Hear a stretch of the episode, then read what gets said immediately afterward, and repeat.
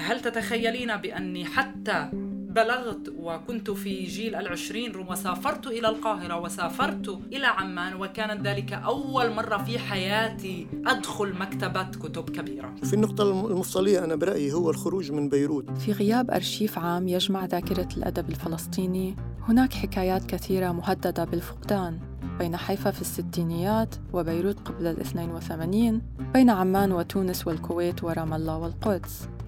بعد الاحتلال بعد 67 صرت أكتب باسم مستعار باسم فارس أبو بكر باسم ربحي حافظ اسمين كان لي. أنا رفقة أبو رميلة وفي بودكاست بلد من كلام نحاور كتاب وكاتبات ساهموا في رسم المشهد الأدبي الفلسطيني على مدار عقود. نتكلم مع محمود شقير، إلياس خوري، ليانا بدر، فيصل دراج، غسان زقطان، أسماء عزايزة، هادي دانيال، عبد عابدي وحزامة حبايب. هيدي ميزة الأدب تبعنا. إنه أنت ما بتحكي عن الماضي. لما أنا بكتب عن النكبة. أنا مش عم بكتب عن الماضي. أنا عم بكتب عن هلأ.